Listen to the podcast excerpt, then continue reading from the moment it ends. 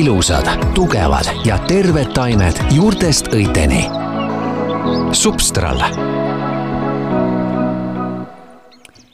tere, oleme jälle saatega eetris Kevad sinu kodus ja meil on hea meel tutvustada Eneli Kägerit, kes on uuesti meil äh, saatesse tulnud ja tema on Substrali aianduskonsultant ja ta on ka kirjutanud kaks väga põnevat raamatut, Muld aias, aias, kodu ja aia praktiline aiavihik ning veel varasemalt aiast siin ja sealpool aknalauda.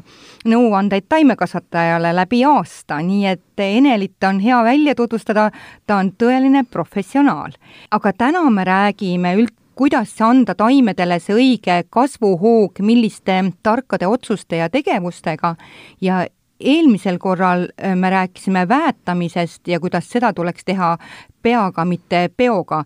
tere, Eneli! tere minu poolt! sa nii vahvasti kirjutasid mulle, et sa räägiksid hea meelega taimede kasvatamisest või istutamisest ja istutamisest substraadist. mis asi on substraat? Räägime võib-olla kuulajale selle lahti. substraat on siis ütleme tavainimese jaoks muld.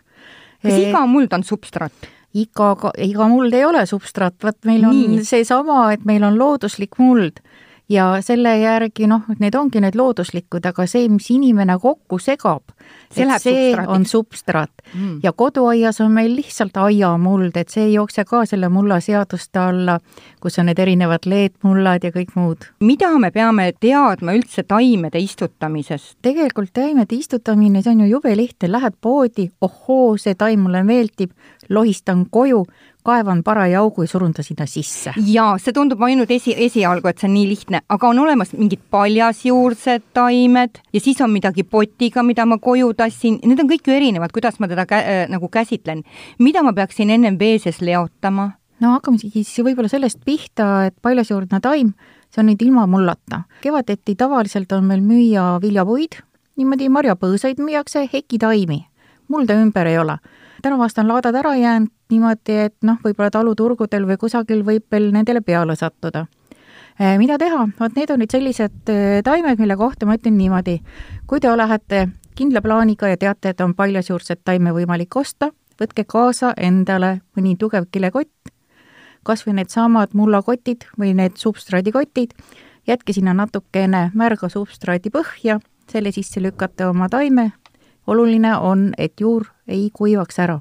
see tähendab seda, et pärast, kui te olete taime ostnud, ei lähe enam parki jalutama, kinno, jäätist sööma, vaid lähete koju. ja jäta taim sellesse sooja autosse kuuma päikse kätte autosse. ja teine asi, ega teda meil pole mõtet ju mööda ainult laadaplatsi ja neid kaasas ka tarida, et sellepärast on see kott nagu parem.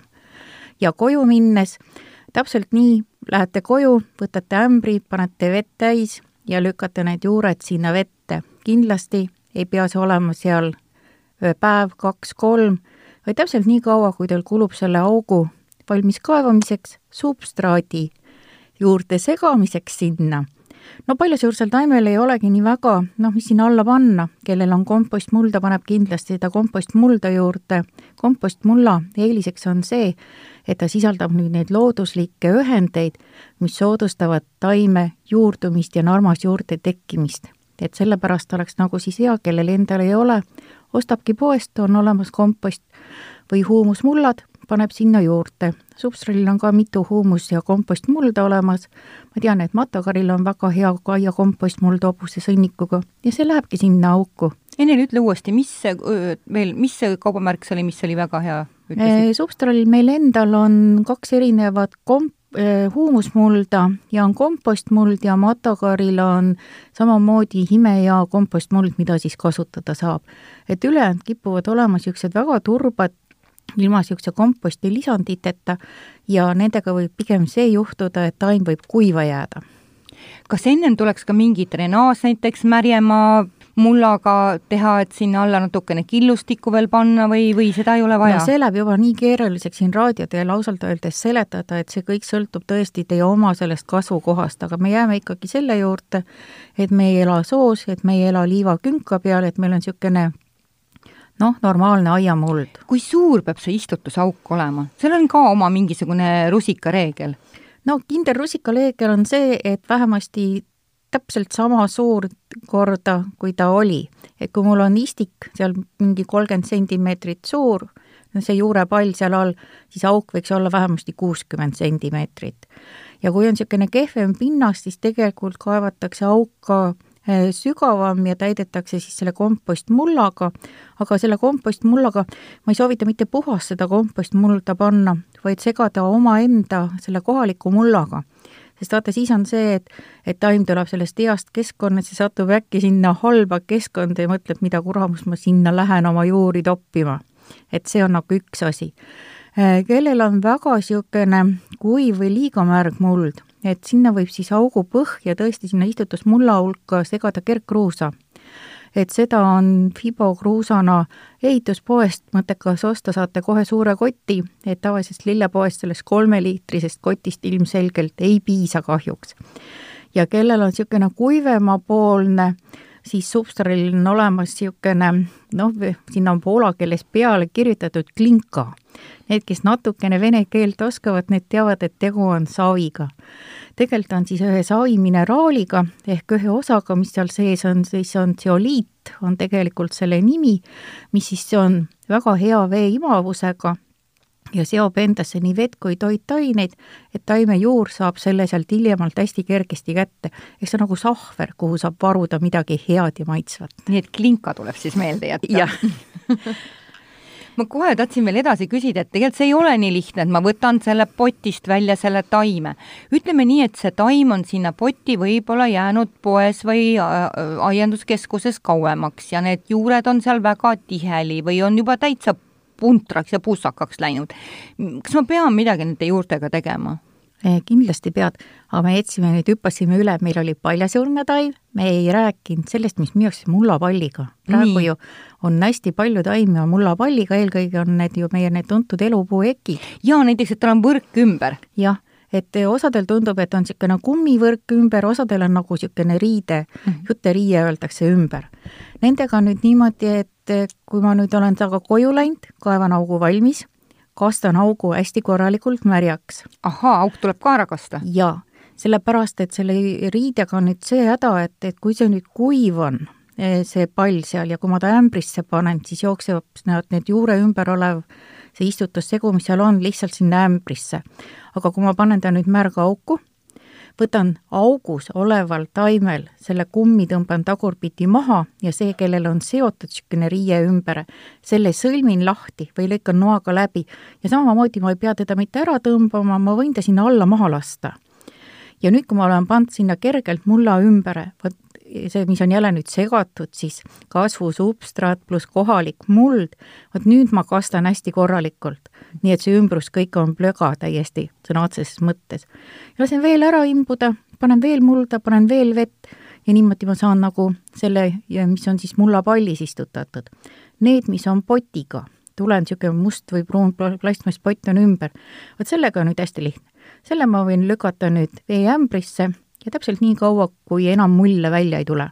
ahhaa, mitte nii, et jätan jälle, ma ei tea, päevaks või kaheks sinna? Taime juurde vajab kasvuks õhku ja kui ma jätan ta nüüd pikalt sinna vette ligunema, noh, sellega saab hakkama ainult vesiroos, et mul ei ole mõtet lasta neid juuri seal veeämbris mädanema väga hea teada. aga see istutamine ei ole nii lihtne, Eneli, ma tean noore praktikuna, eh, hakanud ka aiapidajaks kergelt, kui sügavale tuleb see äh, taim üldse istutada selle kohta ma ütlen ilusasti, väga hea nali jälle muidugi, aga selle on, paneb mõtlema. inimene tuleb ja tahab saada elupuud. kui suurt te tahate? noh, niisugust meeter viiekümnest. no sellist ei ole, et te peate lõikama hakkama. ei, ei lõigata ma ka ei taha, aga need, mis teil seal nurgas on, need on ju nii pikad aga need ju kasvavad edasi, selle peale keegi kommenteeris kõrvalt, aga istutage siis sügavamale, kui te ei taha, et ta nii kõrgeks kasvab. et jah, et elupuud on tegelikult meil nagu öeldakse, pistokse paljundus, mis tähendab seda, et kui ta läheb natukene sügavamale, ei juhtu mitte midagi. sellised okaspuud nagu kuusk, mis on veel poogitud, mänd, mida ka tihti poogitakse, lähevad täpselt samasse sügavusse, kui nad meil poest ostes tulid samas võib juhtuda, nii nagu sa ka ütlesid, et on potti pandud ja on pandud liiga sügavale. et seal ka ma soovitan ikkagi seda ülemist mullaosa proovida käega õrnalt ära võtta, et noh, ei ole mõtet mingi noaga sinna minna ja vaadata, ega ta ei ole sattunud liiga sügavamale, sügavale. teine asi, mis on, et kui te ostate veel niisugused väga suures potis, niisugused neljakümneliitrised, tuleb kindlasti kontrollida, sest seal võib juhtuda, et juured on veel traatpuuris oh heldus, nii. et samamoodi jõuate traatpuurini, lõikate tangidega selle traatpuuri lahti. see peaks olema küll süsinikutraat, mis laguneb ära. no paga, me ei taha meie kliimast mitte üks raasseis ei juteriie ära laguneda ega ka see traat.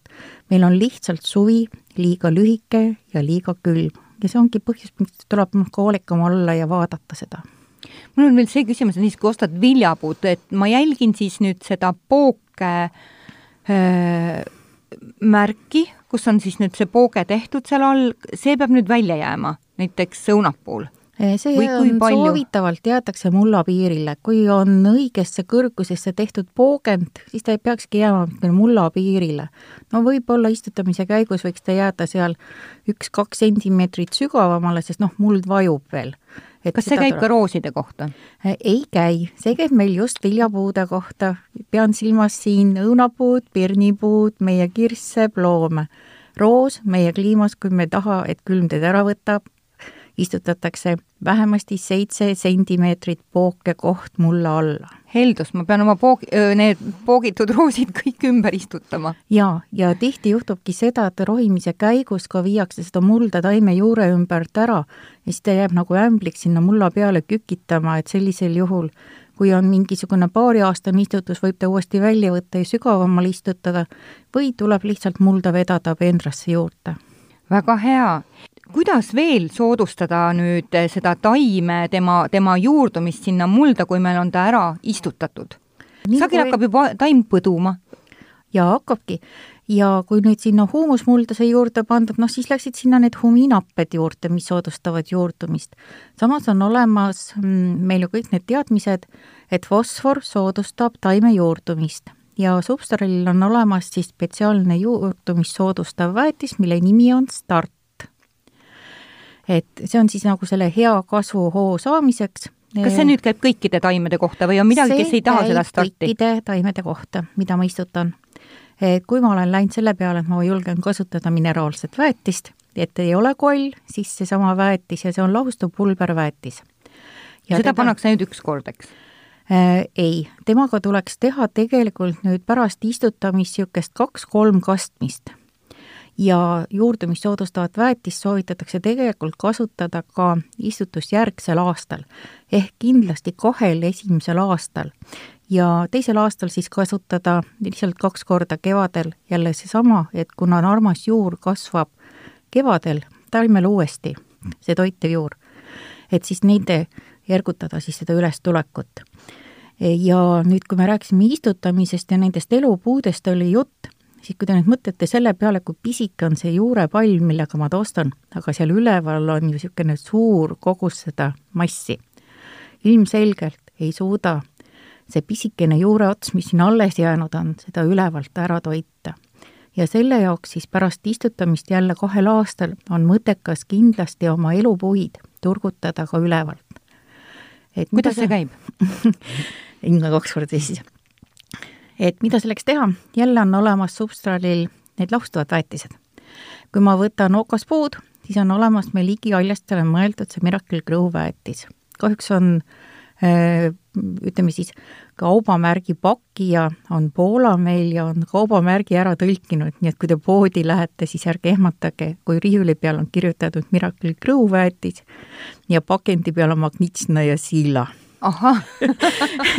et nendele nagu need kaubamärgi reeglid ei kehti. aga jah, pakendil on ka siis peal olemas, et juure kaudu väetamine ja okka kaudu väetamine, et ja pritsimine siis? pritsimine, jah. et võite teha kastekannusele lahuse, taime ülevalt alla ära valada, aga võib võtta ka siis selle nõndanimetatud taimekaitsepritsi selle sisse teha, see lahus, ja puud siis üle käia. oka kaudu väetamisega on täpselt nii nagu kõikide pritsimistega, et mitte teha keskpäeval ereda päikesega. ja tuul, tuulevaikus peaks olema? ei, tuul ei ole, sest sa pritsid täpselt niimoodi, et ta noh, nii suure piisaga, kui tuleb, et see on nagu see kastmine. aga ikkagi jah, seesama, et, et noh, nii nagu öeldakse, et, et noh, vastu tuult ei maksa. et noh, iseenda riiete peale ta mürgine ega midagi ei ole, aga märjaks saate võtaks veel ühe sammu tagasi, kui me rääkisime sellest mullast või sellest substraadist, aga Eneli, kui nüüd see äh, minu aias olev muld on võib-olla happeline ja kui ma nüüd tahan teda kuidagi natukene tasakaalustada, et kas, kas mul üldse aiapidajana on see võimalik, et see protsess tuleb ikkagi tagasi, ta läheb happeliseks või, või mis mu võimalused on? Eh, tegelikult on niimoodi, et esmalt vaadake kauplustes ringi, seal on olemas need pH mõõtjad on olemas tester riba, mis ei anna väga täpset tulemust, aga on täitsa need testri komplektid, niisugune ilus roheline vedelik ja kaks kampulli on nii, ja, ja mida ma teen sellega, ma esimest korda kuulen nii. Lähete koju, võtate kasutusjuhendi, võtate vastavast kohast, kus te tahate mulda, mõõdate oma mulla pH ära. Vau! ja saate täpselt teada, kas teie muld on happeline või mitte mitte see, et lihtsalt mina arvan ja mulle tundub, eks. jah, et seda saab ilusasti kontrollida, kas ta siis nüüd on happeline või on lihtsalt see, tihti tekib see, et oh, mul on muld kindlasti happeline, mul on sammal. tegelikult võib olla muld aluseline, aga lihtsalt toitainete vaene. Aga jah, seda saab kontrollida ja vastavalt siis sellele tulemusele, mis teil on, saab siis aeda lubjata, aialupja saab kasutada, tuhka saab kasutada, et saate siis selle pinda neutraliseerida ja paraku see ei ole püsiv, et seda tuleks ikkagi, näiteks ka põllumuldasid kontrollitakse kahe-kolmeaastase vahega. Eneli, aga kui mul on liiga raske see muld, kas ma siis peaksin nagu sinna sisse segama liiva või mida siis? Noh, see nüüd jälle on sellest, et noh, kuidas ma ütlen, kui on hästi savine, siis kindlasti võiks liiva juurde panna. kindlasti võib juurde panna, me jõuame jälle selle imevahendi komposti juurde, et ei ole mõtet kõiki asju ikka nii uisapäisa prügikotti ja prügimäele saata, et tehke endale ikkagi, kellel on võimalik teha, aeda see kompost. seda kasutada turvast võib neutraliseeritud turvast juurde segada, aga noh, turvas laguneb hästi kiiresti, et seda peaks lihtsalt arvestama, et kuskil seitse kuni üksteist protsenti on ju, on tal see lagunemise kiirus, et ka see ei ole see, et ma nüüd panin ta ära ja et nüüd on jääv, et nüüd ongi rohkem, ma ei peagi mitte midagi tegema. Kui me oleme nüüd sellest mullastikust rääkinud, siis räägiks natukene nendest väeti, väetistest et küll on see, et lämmastik stardiks ja fosforit äh, peetakse ka eriliselt oluliseks juurdumise äh, äh, aspektist, aga mida siis veel juurde anda taimedele? Substralil on see aasta niisugune tore komplekt, noh, igaüks peab ta ise poest koolna panemagi, et see on see väetis ja mitte abc, vaid NPK, et kui me eelmine kord rääkisime, et N on lämmastik, P on fosfor, K on kaalium, siis tõepoolest, et niisugune, mina ütlen, et esmaabi komplekt, taimedele mhm. võiks olla siis need kolm erinevat väetist, et seesama startväetis, kus on siis hästi palju fosforit, mis moodustab ka viljad ja juurdumine ju viljad eelkõige. siis on lämmastikurikas sprint, et vaata, mul on vaja hästi ruttu üles saada, et kui see kevad on veel niisugune pikk ja veniv ja siis nagu meil vaja... praegu, hästi külm. ja, ja siis on vaja kõike korraga. nii kui läheb soojaks, siis on kõike vaja. et selleks siis ma ütlen, et oleks see sprint väga hea ja siis on olemas ka kaaliumirikkaid väetisi. mis on siis õitsemiseks, eks? jah, ta on õitsemiseks, aga tal on täpselt samasugune, et näiteks kaalium annab tomatitele meile selle õige lõhna ja maitse. et ka taimede suvelillede värv sõltub sellest, et lihtsalt, et peakski nagu olema siis nagu niisugune kaks tähtu, et või ütleme, kolm tähtsat komponenti, et mida õigel ajal juurde anda. et kui mu roosil läheb ära selline aprikoosi värvus ja ta pleekub liiga heledaks, siis ma tean, et seal on mingisugune mine-, mineraal tal puudu. ei, vaata nüüd sa lähed all, sellepärast et paljudel lilledel ongi omadus, et puhkedes on ühke, ühte värvi ja siis ta pleekub. ahhaa et, et sellega ei saa. aga jah, et, et näiteks kui sul on ikkagi istutatud niisugune särav roosa, siis petuunia ja sa märkad, et suve lõpus noh, need lehed on niisugused närult kollaseks läinud, õied on pisikesed ja ka niisugused nagu värvitud, vot siis on ta tõeliselt nälgas. Räägiks veel istutamise ilmast, et ma saan aru, et kui on selline pikk ja külm ilm olnud, et siis ma ei saa tegelikult seda taimekest veel niimoodi avamaale istutada, ma võin sinna küll panna seemet mulda, praegusel ajal me just ennem veel saadet rääkisime redise seemnest, mida võiks veel küll panna, aga vist on natuke hiljaks jäädud. no. kuigi, kuigi redist võib vist mitu korda kevadel või suve jooksul ka külvata? redist võibki mitu korda panna ja kuna praegu ikkagi tundub, et see kevad tõesti jääb venima, et siis on mõttekas teha. aga tegelikult niisugused ilmad on just ideaalselt istutusilmad ja miks, on täpselt seesama, õhus on piisavalt niiskust, kogu aeg ei paista päike, mis tähendab seda, et taim jõuab juurduda ja ei vaja nii palju seda ülevalt, seda varjutamist ja vett peale et kui nüüd oleks siin õues kakskümmend viis, kuus kraadi soov ja päike kogu aeg, siis tõesti need õnnetud noh, ütleme elupuud, kui on ka see pikk hetk-hetk tehtud, tuleks ikka päeva eest nagu varju peale panna. Nad ei ole lihtsalt harjunud selle päikesega, nad on ju olnud kaks kuud peaaegu pimedas ruumis kinni. Et sellepärast, aga kui me nüüd räägime suvelillest, jah, suvelille valik on ju tohutu eh, müügis, mis on äh, tahaks ju midagi ilusat ja siis on ikka, lubatakse jälle seda rahet ja ja, ja tuleb raha, just täpselt nii, ja minul läksidki täiesti tumedaks äh, suvelilled oma õitega. mis et, nüüd siis tuleks teha? ütleme, niisuguse pikkade kevade korral, et võib-olla siis esmaabivahendina äh, võiks olla kodus ikkagi niisugune tükk katteloori. Mitte seda talveloori, vaid neid samu õhukesi katteloore ja alati kasutada siis kahekordset katteloori. Et hästi tihti ma vaatan näiteks niisugust asja, et kasvuhoonetes jah, targemad panevad nüüd küll peale kahekordse katteloori, on olemas veel ka siis mullikilet, mida võib kasutada peale, aga kindlasti ei maksa kasvuhoonetesse neid küünlaid panna küünal tarvitab ju meil hapnikku, taim tahab ka hapnikku, et me jätame oma taimed kahjuks siis hapnikupuudusesse, et see ei ole alati mitte kõige targem lahendus. sest mingi aeg ju väga ikkagi reklaamiti seda küünla. jaa, aga see tähendab seda, et mul peab kasvuhoones ikkagi olema nii palju õhuavasi, et see saast ja toss sealt välja läheks ja seda. jaa, ta hoiab sooja küll, aga taim võib kahjuks jah, siis kui on kehvem küünal, saada samamoodi vingu ja suitsumürgituse seal sees kas see mullikile käib nüüd ainult kasvuhoone kohta või kui mul on avamaal, ütleme seal äh, mingid lilled, et ma panen ümber õitsvate lillede siis? täpselt samamoodi, et võib mullikilega panna, et teda siis pannakse ühekordne kiht ja eriti ja nendel on seda kavalik kasutada, kes ka tahavad oma näiteks tomatit avamaal kasvatada, et panebki seina äärde mitte katteloori alla, vaid mullikile alla, valgus paistab ka läbi ja taim saab paremini hakkama aga siis päevaks ma pean selle ära võtma või, või kuidas seal selle tomatil on, et kui on päeval üheksa kraadi, siis peab ta peale jääma, et Ahaa. see ikka jälle sõltub nüüd taimest ja temperatuurist väga palju mm. -hmm. ja siis tuleks käia veel vahepeal kontrollimas, et ega see mullikile ei ole väga vastu taime vajunud ja nii edasi, eks on ju. jah, et, et ega see aiandus ei ole nii, et, et ma arvan, et rahvast on hästi palju, on nüüd aias tegutsetud suure hurraaga, nii et ega ma päris palju ette ei kujuta, kui paljudel inimestel suvel jõudu on seda kõike rohida ja hooldada edaspidi. Aga üldiselt jah, kui taim on niisugune korralikult väetatud ja tasakaalustatud, saab ta hakkama ka ütleme siis meie niisuguste natukene noh, saamatusega või eksimustega, et, et kõige hullem ei ole, et siis nad on ka tugevad.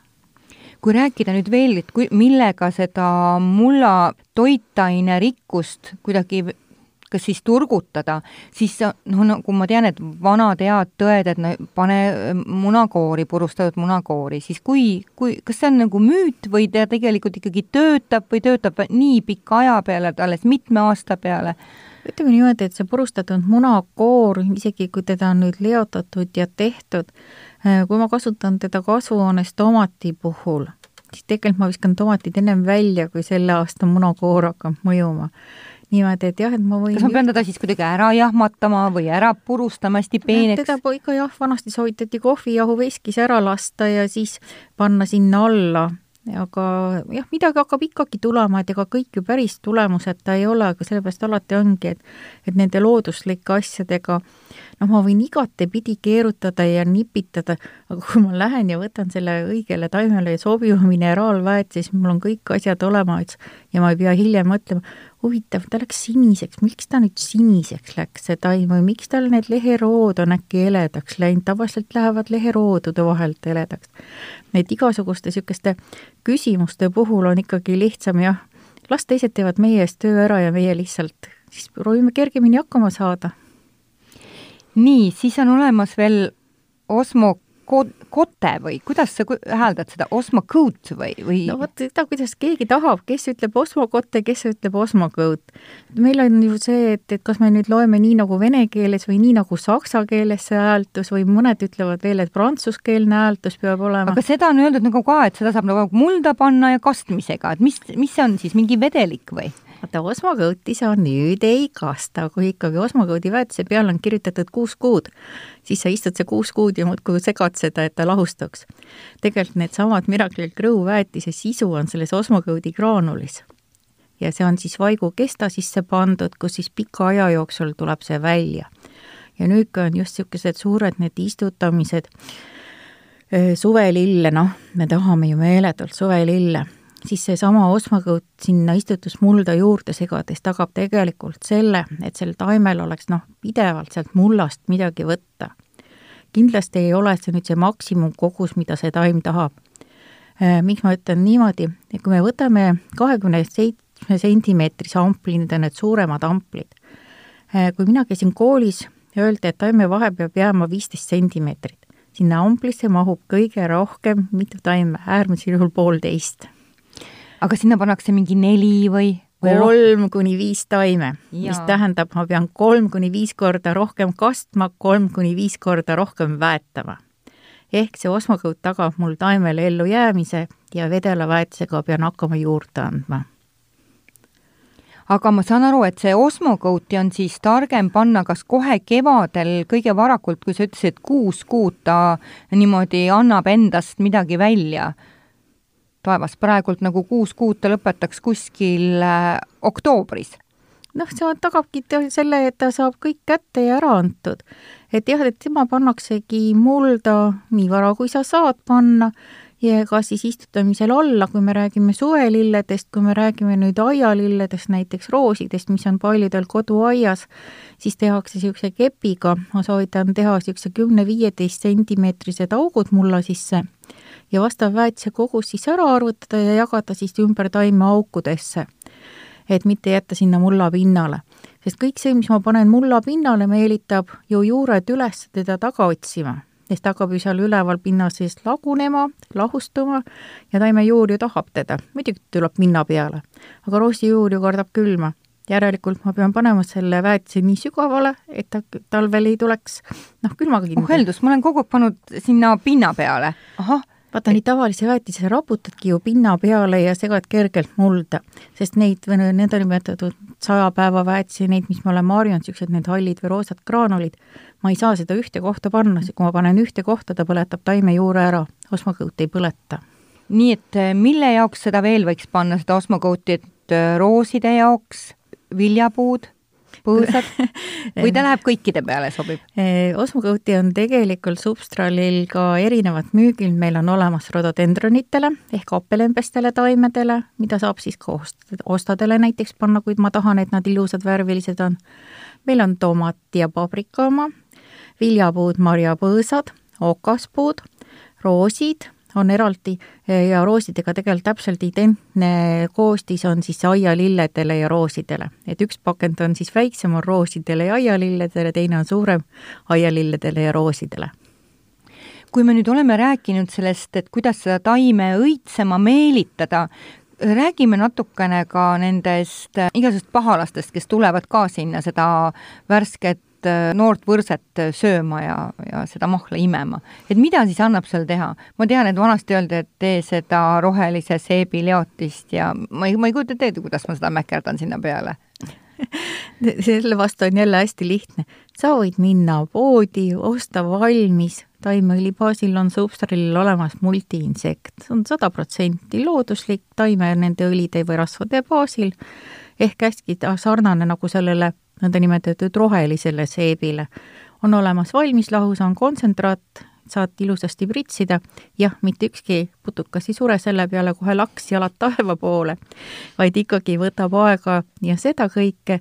teiseks on, kui ma tahan nüüd looduslikult tõrjuda, on subsaril olemas ka kõrvenõgese eh, lahused, niisugused kontsentraadid jälle ja kõrvenõgest on ju kasutatud nii väetamiseks kui taimekaitseks et mõlemat pidi saab siis teda äh, kasutada ja kes on niisugune osavam ja tahab katsetada, võib alati ise teha, aga ise sellega te... on see häda, et ma ei suuda seda doseerida. mul on see hirmus haisev läga siis seal selles ämbris, tõesti nagu sõnnikut oleks seal leotanud. Aga ma ei, ma ei tea kunagi, kuidas ma seda doseerin. ja iga kord on see koostis erinev, ehk jälle ma teen midagi, aga ma ei tea täpselt, mida ma teen, sest mul puudub võimalus. Ja iga kord, kui ma tahan näiteks dekoratiivseid taimi eh, sellega pritsida, ma pean enne kusagil nurga taga katsetama, sest muidu ma võin oma taime ära põletada ja samas, kui ta väga lahja on, siis ta ju tegelikult ei tööta või? no midagi ta annab ikka mm, -hmm. aga selle pritsimise jutu ja roosidega tuli mul praegu meelde see, et äh, oli terve seltskond niisuguseid roosihuvilisi, loevad internet on ju meil kõikidel olemas, on olemas niisugune vahend nagu Epson sool. nii? ja on olemas Miracle Crew väetis. no Miracle Crew väetist me just natukene rääkisime aga selle Epson soolaga oli igavene jama, seda tuli tellida Ameerikast, sest meil ei olnud. ja siis, kui kohale jõutis, siis loeti pakendi pealt Epson sool magneesiumsulfaat oh. ja magneesiumsulfaat on meil ju täiesti müügil olemas.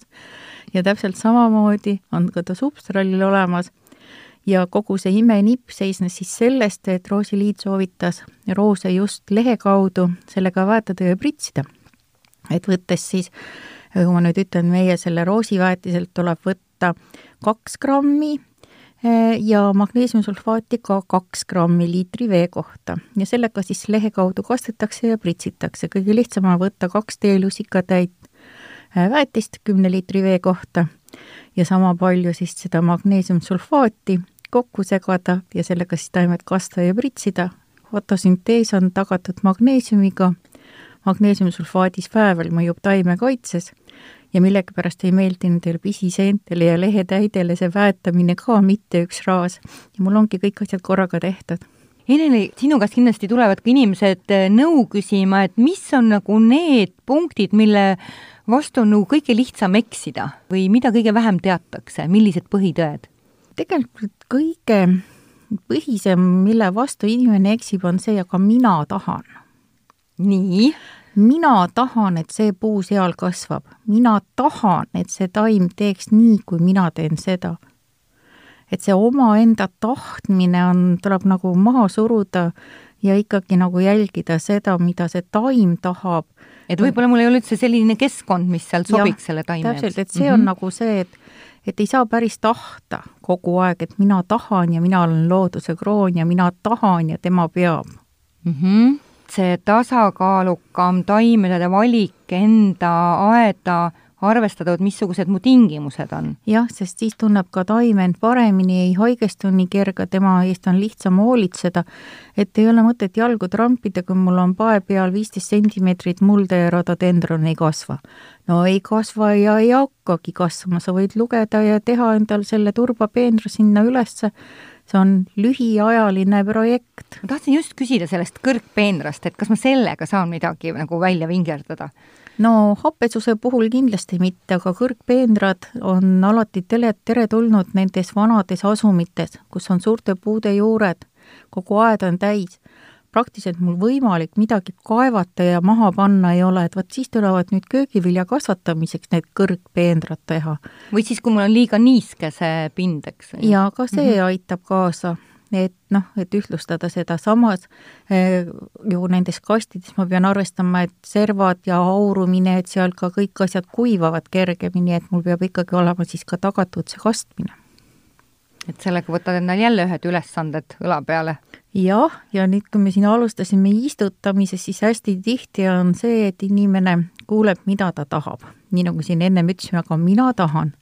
kui tema tuleb aiapoest välja ja klienditeenindaja on talle öelnud, tuleb kasta kaks korda nädalas kaks aastat järjest, siis tema jätab meelde, ahah, kaks korda on vaja ainult kasta. ja siis on nad üllatunud, et see taim kuivab ära et noh, see on ka üks see, mille vastu inimene kõige rohkem eksib, aga vihma ju sadas, kuidas ta siis nüüd märg ei ole? aga kui te nüüd mõtlete loog-, loogiliselt, selleks, et muld saaks märjaks kümne sentimeetri ulatuses, ühe ruutmeetri peal kulub kümme liitrit vett. taime ma istutasin, taim oli kolmekümne sentimeetri sügavuses potis, mul on vaja saada ju see pind sealt alt ju veel taime alt märjaks, et juur allapoole läheks, mitte ülespoole.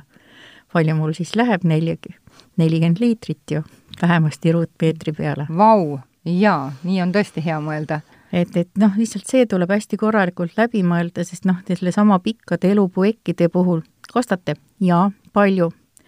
oi, ja ikka iga päev kastan, palju te vett panete? palju sa saad selle kümneliitrise kannuga tehtud? no viis kuni kuus puud saan kindlasti. No siis ongi need niisugused surtsutamised. jah, et, et ikkagi, kui te kastate, siis pigem üks kord ja põhjalikult ja nende alles istutatud taimede puhul võiks panna igal kastmiskorral ka pisut seda väetist sinna vette hulka. et siis ta saab ka, ta on ikka harjunud ju hea toidu pealt tulnud meile. Eneli, räägiks veel sellisest ebamugavast asjast nagu rohimine. et kui puhtaks siis tuleb see puudealune teha või võib seal olla näiteks, et muru kasvab puude all, no roosid tuleks ikka ära rohida, eks. kus see jookseb, see, see kuidagi see piir ja, ja näiteks kas siis ma saan panna mingisugust multsi peale ja loota, et seal ei tule mingisuguseid liblesid tegelikult selle rohimisega on nüüd niimoodi, puu ümbrus eh, võiks olla puhas murust. miks? on väga lihtne et mu muruniiduk või ma ise trimmeriga selle tüve ei vigastaks. mujal maailmas istutatakse lilleringid kas või ringi sinna ümber, et siis on ka see, et ei minda sinna sisse. Äh, pärast istutamist, mina olen multsivastane, ma ei saa mitte midagi teha, mina olen multsivastane. nii, aga miks? nii, ma võtan nüüd sellesama elupuu, eki, istutan ära, panen peale viis kuni seitse sentimeetrit multsi sellega on mul pinnas viis kuni seitse sentimeetrit veel kõrgem, mida ma, kõigepealt ma kastan multsi viis kuni seitse sentimeetrit, ehk mu veekulu on tegelikult palju suurem. Teiseks, ma ei kontrolli seda olu-, olukorda. jaa mm, -hmm. ja teiseks, mis on, äh, kui ma nüüd kasutan mingit väga kvaliteetset kooremultsi, niisugune peenikene ainult sellest korbast, mis näebki välja nii nagu noh, muld, jah, ma panen ta sinna peale natukene ei tule umbrohtu võib-olla nii kiiresti läbi, samas ma ei sõida ka muruniidukiga sinna äkki sisse. jah, täiesti talutav. Eh, muidugi võib kasutada seda puiduhaket, aga ma pean olema kindel, et siis, kui ma taime istutan, et ma ei kasuta haigestunud niisugust okaspuu kooremultsi, sellepärast et minu taimel on ju ka juured läbi lõigatud. mis tähendab seda, et, et nii nagu inimesel on ju auk kusagil ja nakkus on väga kerge tulema. et juba see on üks põhjus, miks ma ei tahaks esimesel paaril aastal multsi kasutada. hiljem jah, ja kui mul see muld on seal puhas, siis ausalt öeldes käia üle nädala kõplaga see sealt pealt läbi on palju lihtsam, kui seda multsiga teha. lisaks sellele ma takistan, kui ma nüüd selle mullapinna kõplaga läbi lõikan, siis vesi ei auru sealt altpoolt üles, ma lõikan aga need vee imbum-, üles imbumis- või aurumissooned, kapilaarid läbi, et, et pigem hoida jah must. väga hea vastus, rohkem tööd nii, aga Eneli, meil hakkab eh, tänane saade ka juba läbi saama, et mis oleks siis need mõtted eh, või teadmised, eh, mida tasuks üle korrata kuulajatele nüüd aiapidamises? Kuna me rääkisime täna hästi palju sellest istutamistest ja istutamisjärgsest hooldusest, tehke endale asi lihtsaks kasutage korralikke väetisi, kasutage korralikku kastmist. mis asi on korralik kastmine, nii nagu ma siin ütlesin, see reegel, kümme liitrit, kümme sentimeetrit, üks ruutmeeter. ja siis kaks korda nädalas või kuidas? no vaata, nüüd ongi nüüd sellest, et noh, üks või kaks korda nädalas, kui on niisugused jahedad ilmad väga lihtne on tegelikult seda mulda ju kontrollida. kui ma ta nüüd ükskord olen ta hästi korralikult ära kastud, siis muld hakkab ju pealtpoolt kuivama. kui ma lükkan selle näppu sinna mulda ja see on kuiv, ilmselgelt mul on vaja siis kasta.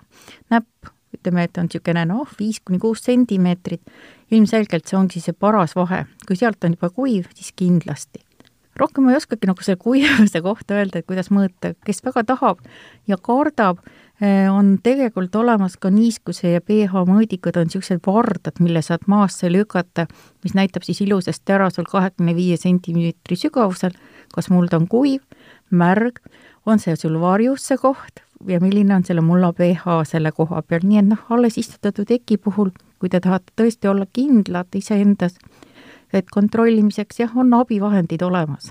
selle hea mõttega lõpetame seekord saate saate ja meil oli külas täna Substrali aianduskonsultant Eneli Käger, mina olen saatejuht Juuli Nemvalts ja jääge meid ikka kuulama.